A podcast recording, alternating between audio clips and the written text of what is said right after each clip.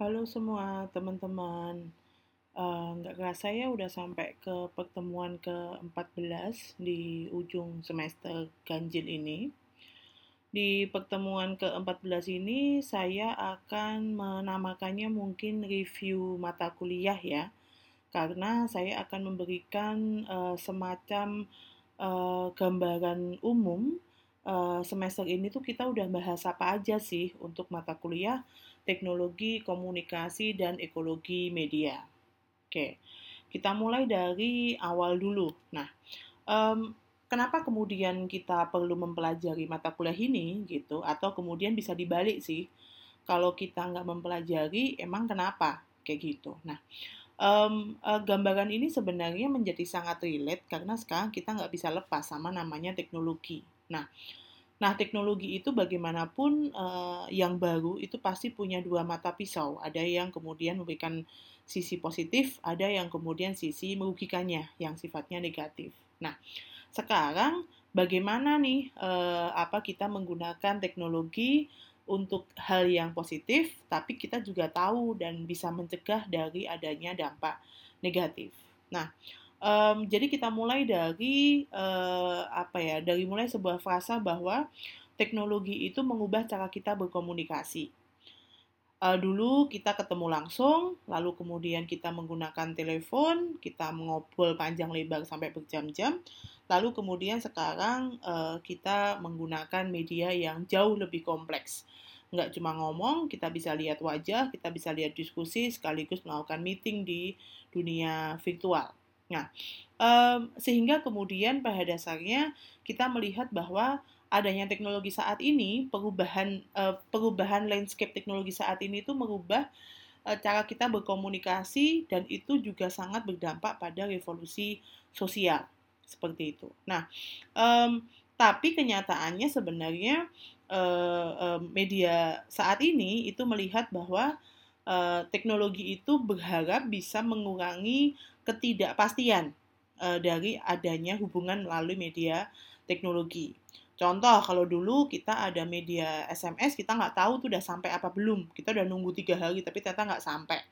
Tapi kalau sekarang kita punya beberapa tanda yang bisa membuat, oh ini kayaknya sampai, ini kayaknya, uh, uh, tapi belum dibaca seperti itu. Nah, hal-hal inilah yang kemudian uh, menarik untuk kita angkat mulai dari tentang uh, penanda kehadiran komunikasi teknologi baru, kita bisa lebih interaktif, kita bisa um, apa, kita bisa um, bisa share informasi ke banyak orang, tapi juga sekaligus kita bisa mengirimkan ke hanya satu dua orang saja. Dan yang terakhir, um, semakin banyak media yang membuat kita bisa asinkron. Asinkron itu sebenarnya membuat kita uh, bisa lebih bebas. Kita mau mengakses informasinya kapan, sesuai kebutuhan kita. Nah, um, uh, info uh, apa ya kondisi landscape teknologi ini kemudian semakin mengukuhkan uh, ke kebutuhannya dan kemudian keeksistensian di dunia ini ketika mulai banyak orang yang menjadi konglomerat dari uh, dunia media. Ada yang mengatakan siapa yang menguasai dunia informasi dan data, saat ini kita mengenalnya dengan big data, dialah yang sesungguhnya menguasai dunia. Kita kenal yang namanya um, uh, Bill Gates, kita kenal namanya uh, Bezos, ada yang kemudian kita mengenal Elon Musk, dan lain sebagainya. Itu semua ada yang uh, sangat dekat dengan urusan teknologi, informasi, dan uh, data. Belum lagi kalau kita ngomonginnya adalah uh, Mark Zuckerberg dan lain sebagainya. Nah, um, sehingga kemudian uh, uh, keberadaan revolusi industri 4.0 itu uh, menjadi semakin nyata, di mana kita harus memaknainya sebagai ketika semuanya mulai berubah. Jadi jangan lagi pakai asumsi bahwa dulu tuh begini, sekarang kok begini. Nah, kenyataannya memang sekarang sudah berubah seperti itu. Nah, sehingga ketika Klaus Schwab menjelaskan eh, kita itu pada akhirnya ketika masuk dalam revolusi 4.0 semua sudah berubah. Mulai mulai tidak hanya identitas kita, tapi juga mulai pola komunikasi, privacy kita, kemampuan uh, relationship kita, termasuk kemudian bagaimana uh, bertemu orang lain, tidak langsung uh, face to face, tapi kemudian uh, melalui media sosial. Nah, uh, kondisi pandemi ini sebenarnya uh, uh, semakin mengukuhkan betapa teknologi semakin tidak bisa dipisahkan dari manusia, seperti itu. Nah, sehingga nanti uh, kita kemarin sudah recap sebentar tentang revolusi industri 1, 2, 3, 4 uh, di mana kata kuncinya yang dijelaskan oleh Vitalik Buterin ini menjelaskan bahwa revolusi industri memungkinkan kita untuk pertama kalinya menggantikan kerja manusia dengan mesin. Kalau dulu kita kenal uh, tenaga uap, kita kenal tenaga listrik, kita kenal dan lain sebagainya, sekarang di uh, 4.0 itu sekarang kita kenal dengan uh, robot, uh, chatbot dan lain sebagainya. Itu semua juga intinya sama sih ngomongin mesin. Seperti itu. Sehingga ketika menghadapi dunia baru, kita juga harus tahu tentang uh, risiko-risiko baru yang uh, ada. Salah satunya risiko cyber tentang dunia privacy, tentang um, bahkan sekarang ada yang kryptonite, uh, apa namanya, uh, uang uang virtual di mana ada Bitcoin dan lain sebagainya. Terus kemudian ada juga yang resiko talenta. Jadi kalaupun um, kita tahu bahwa kebutuhan uh, 4.0 ini membuat orang uh, fokus kepada sesuatu yang sifatnya tidak bisa digantikan oleh mesin. Nah, sekarang berarti kita harus fokus kepada sesuatu yang uh, kreativitas dan lain sebagainya yang ke depan tidak digantikan oleh mesin seperti itu. Nah, Uh, itu semua nanti bisa teman-teman lihat ketika kaitannya dengan 2022 skill outlook. Kalau sekarang dua, hampir 2021 ya berarti nanti harusnya kita udah lanjut ke 2025. Biasanya uh, loncatnya agak jauh seperti itu. Nah, kalau sudah berbicara tentang teknologi, kita ada sebuah uh, diskusi yang uh, cukup menarik gitu. Sebenarnya kita yang mempengaruhi teknologi atau teknologi yang mempengaruhi kita. Nah, uh, ada sebuah um, apa ya uh, konsep yang menjelaskan ada namanya determinisme teknologi oleh Marshall McLuhan dan Harold Innis yang lebih mengedepankan bahwa uh, sebenarnya memang teknologi itu yang um, apa ya yang uh, mengubah kita. Karena uh, ada pandangan yang menjelaskan bahwa medium is the message. Media yang digunakan tidak sekedar menyampaikan pesan tapi juga Eh, membawa pesan tertentu. Nah, itulah kemudian kenapa ketika berbicara tentang media uh, media saat ini, pertanyaannya media apa dulu nih? Media televisi, media koran, media cetak, atau media sosial, atau kemudian kalau ngomongin media sosial bisa banyak. Kita ada Facebook, Twitter, YouTube, uh, pod, uh, apa namanya, dan lain sebagainya. Itu semua punya peranan tertentu seperti itu.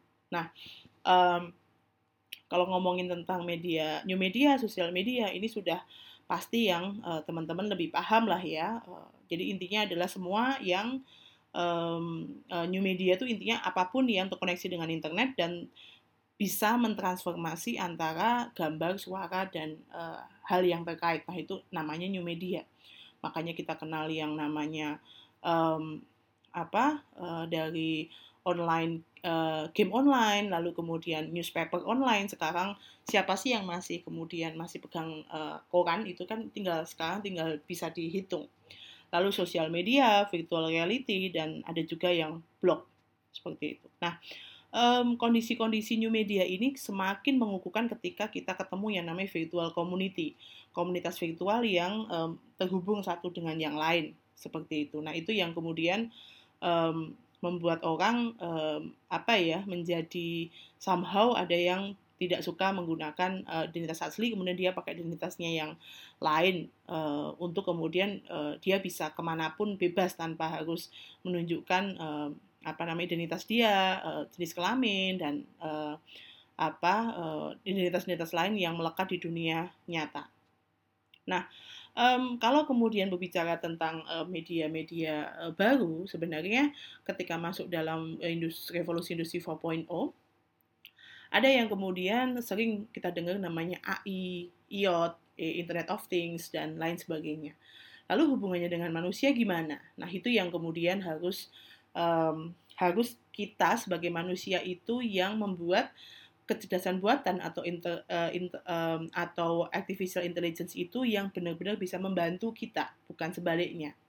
Seperti itu. Nah, uh, sama halnya dengan IoT atau uh, Internet of Things, memastikan bahwa uh, fungsi dari IOT itu benar-benar mengefektifkan uh, kerjaan kita, efisien, me, uh, biayanya murah dan kemudian mudah seperti itu. Tapi lagi-lagi uh, AI, IOT dan manusia itu hal yang kemudian harus disinkronkan biar uh, dampak dari AI dan IOT itu fokusnya ke dampak positif atau pengaruh positif.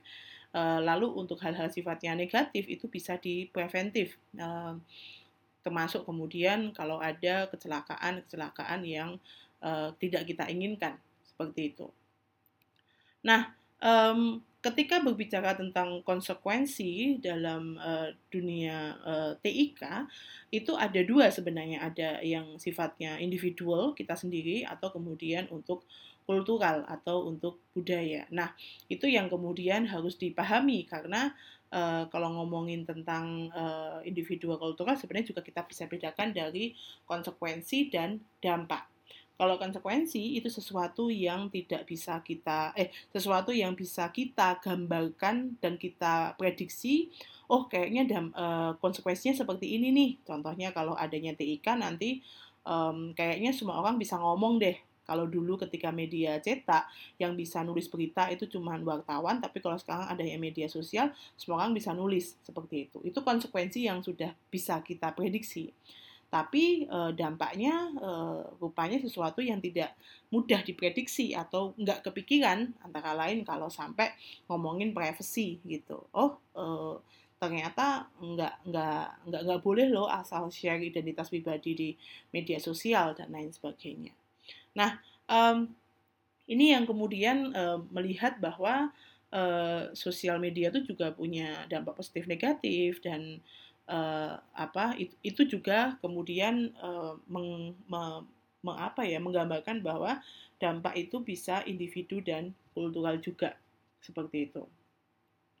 Nah, um, kalau kemudian sekarang berbicara tentang media-media uh, digital, sebenarnya uh, ketika ngomongin dampak negatif pasti ending-endingnya kita ngomongin betapa pentingnya literasi digital literasi digital itu ya berarti kalau dari katanya aja berarti paham, bisa baca, bisa tulis gitu. Nah, tapi kalau ngomongin digital berarti punya kemampuan yang lebih. Salah satunya adalah bisa baca, bisa nulis, plus bisa menganalisis konten atau isi di media digital. Nah, itu ada uh, cukup banyak uh, apa namanya elemen-elemen pentingnya, di mana elemen penting ini uh, memang menjadi satu titik uh, yang menarik karena uh, pada akhirnya uh, tidak mudah untuk kita bisa mengatakan um, ya kamu harus paham dong gitu karena kenyataannya memang ketika ngomongin literasi digital itu panjang gitu. Yang paling penting yang pertama adalah aspek kultural.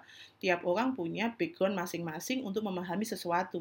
Ada yang kemudian sama-sama S1, lulusan S1 tapi dia berasal dari uh, apa blasteran bule, keluarganya itu mix. Ada yang satunya itu dia keluarganya sangat uh, kental dengan budaya Jawa, dia orang keraton dan lain sebagainya. Itu kan pemahamannya sudah berbeda. Nah, itu yang kemudian kenapa literasi digital itu uh, kemungkinan besar akan menjadi PR kita bersama ke depan mengingat banyak hal yang uh, perlu kita bedah satu persatu ketika membahas tentang pemahaman digital seperti itu. Nah, berikutnya um, ketika kita sudah sama-sama tahu tentang dunia um, apa digital, sebenarnya kita tahu bahwa uh, kondisi nyata uh, digital itu beda tiap orang. Kalau ada yang mengatakan we're not in the same booth, kita tuh nggak lagi dalam uh, kapal yang sama seperti itu, sehingga uh, digital divide atau kesenjangan digital itu semakin nyata di kondisi saat ini, terutama ketika kondisi pandemi saat ini. Sehingga digital divide itu harusnya kemudian membuat orang untuk segera membuat jembatan, bridging the gap jadi harus membuat jembatan antara orang yang tidak punya akses dengan orang yang punya akses. kadang kadang-kadang memang kita bisa mengatakan ya gimana kamu harus punya koneksi internet dong. Kenyataannya tidak sesimpel itu. Kalau di pelosok um, susah juga kalau memang tidak ada koneksi internet. Nah, kondisi digital divide ini semakin nyata ketika adanya uh, konsep work from home atau uh, school from home di mana kemudian um, apa ya um, orang sekarang dipaksa untuk harus selalu terkoneksi dengan internet. Nah itu kenyataan di lapangannya kan ada yang punya koneksi, uh, entah itu berupa uh, sumber daya, ada yang kemudian punya sumber dayanya, tapi uh, di daerahnya tidak ada koneksi internet. Nah ini sebuah ketimpangan-ketimpangan ini semakin nyata saat ini. Nah uh, setelah kemudian di situ barulah kita bahas tentang hal yang menarik dan ini um, ketika kamu punya koneksi internet, tadi kan dijawab tuh oleh digital divide gitu. Oke, ada yang punya, ada yang enggak. Sekarang kalau punya, uh, what will you do? Kamu mau ngapain gitu. Nah, ketika kita punya koneksi internet, alangkah baiknya digunakan untuk hal-hal yang sifatnya positif juga. Selain untuk kebutuhan pribadi kita, juga untuk kebutuhan yang sifatnya uh, aksi. Jadi um, melakukan cyber activism. Nah, itu yang dinamakan connective action. Aksi yang kemudian saling terkonek dengan yang lain. Nah, itu bisa kemudian isu-isu sosial atau kemudian isu-isu current uh, isu yang sedang beredar saat ini. Um, di mana kemudian isu tersebut naik ke media sosial sehingga bisa lebih uh, lebih bisa menarik perhatian orang sehingga orang akan lebih aware dengan kasus tersebut seperti itu. Nah, um, Sekilas kemarin kita juga bahas tentang e-government, bagaimana peran pemerintah dalam menangani krisis di uh, masa pandemi, tapi dari kacamata media uh, uh, apa ya pengambilan keputusan dari media melalui media sosial, salah satunya dengan bagaimana mereka mengatur isu biar kemudian tidak panik dan lain sebagainya. Nah, Nah ini nih, ketika kita sudah bahas tentang adanya media digital yang yang tidak kalah pentingnya ketika kita ngomonginya adalah dampak. Dampak yang mulai signifikan saat ini dirasakan adalah wah, cyberbullying. Cyberbullying ini kayaknya semakin ke sini itu semakin sering di mana orang semakin menganggapnya ya udahlah kayak gitu aja baper. Kenyataannya nggak sesimpel itu. Lagi-lagi kalau ngomongin cyberbullying harusnya dikaitin dengan um, literasi digital uh, tidak semua orang punya uh, pandangan yang sama tentang konsep uh, cyberbullying gitu. Jadi uh, um, sebenarnya sih uh, kalau dalam kasus cyberbullying dan sudah dalam tahap akut harusnya sudah uh, menggunakan uh, apa ya sudah sudah menggunakan para ahli biar kemudian lebih paham tentang dunia uh, psikologis uh, korban cyberbullying seperti itu. Nah, um, dan juga bisa juga kalau kemudian larinya ke cyberborg dan cybercrime. Itu yang kemudian um, lekat sekali karena memang um, dua hal ini kayaknya kalau di dalam dunia cyber itu um, ribut tuh kayaknya biasa dan mereka kelihatannya aman-aman aja karena mereka bisa bersembunyi dengan um, apa namanya uh, identitas yang tidak kelihatan Nah, padahal kenyataan di lapangan kita nggak tahu psikis orang itu seperti apa. Nah, um, masih terkait dengan tadi, ketika orang tahu orang bullying itu harusnya uh, dipahami bahwa sesuatu yang nggak ada bedanya sih kamu di dunia media sosial dan media nyata, eh, di dunia nyata, karena kenyataannya kita butuh yang namanya um, etika gitu, netiket. Jadi etika-etika di dunia internet gitu. Nah, um, hal-hal itu yang harusnya dipahami biar uh, kita semua saling menjaga uh, apa ya jempol kita untuk uh, terus uh, menggunakan bahasa yang nyaman tidak cuma asal ngomong uh, seperti orang-orang yang kebiasaannya menggunakan nonim atau uh, tanpa identitas resmi.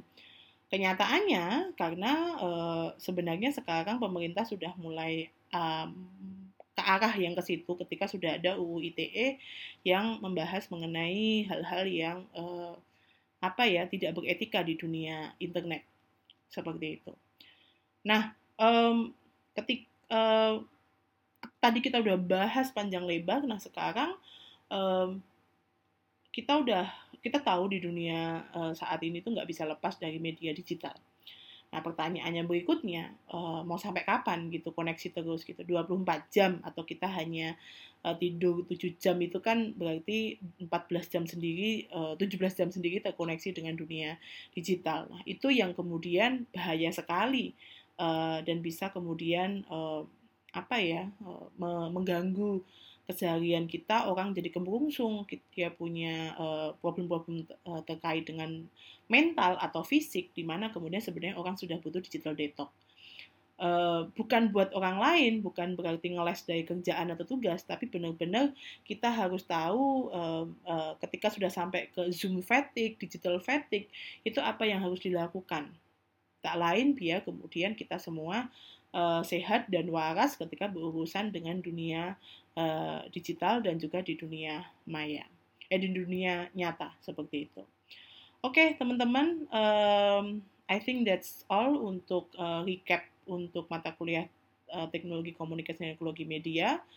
Um, saya berharap untuk mata kuliah ini bisa, bisa uh, benar-benar bisa berdampak uh, secara langsung buat teman-teman dalam kehidupan pribadi bahwa kita perlu sama-sama belajar untuk uh, berinteraksi di dunia sosial termasuk uh, mengetahui dampak-dampak negatifnya biar kita bisa terhindar dari dampak tersebut. Oke, okay, see you, sehat selalu. Semoga kita bisa segera ketemu di kampus UI di kampus terpadu Yogyakarta. See you. Assalamualaikum warahmatullahi wabarakatuh.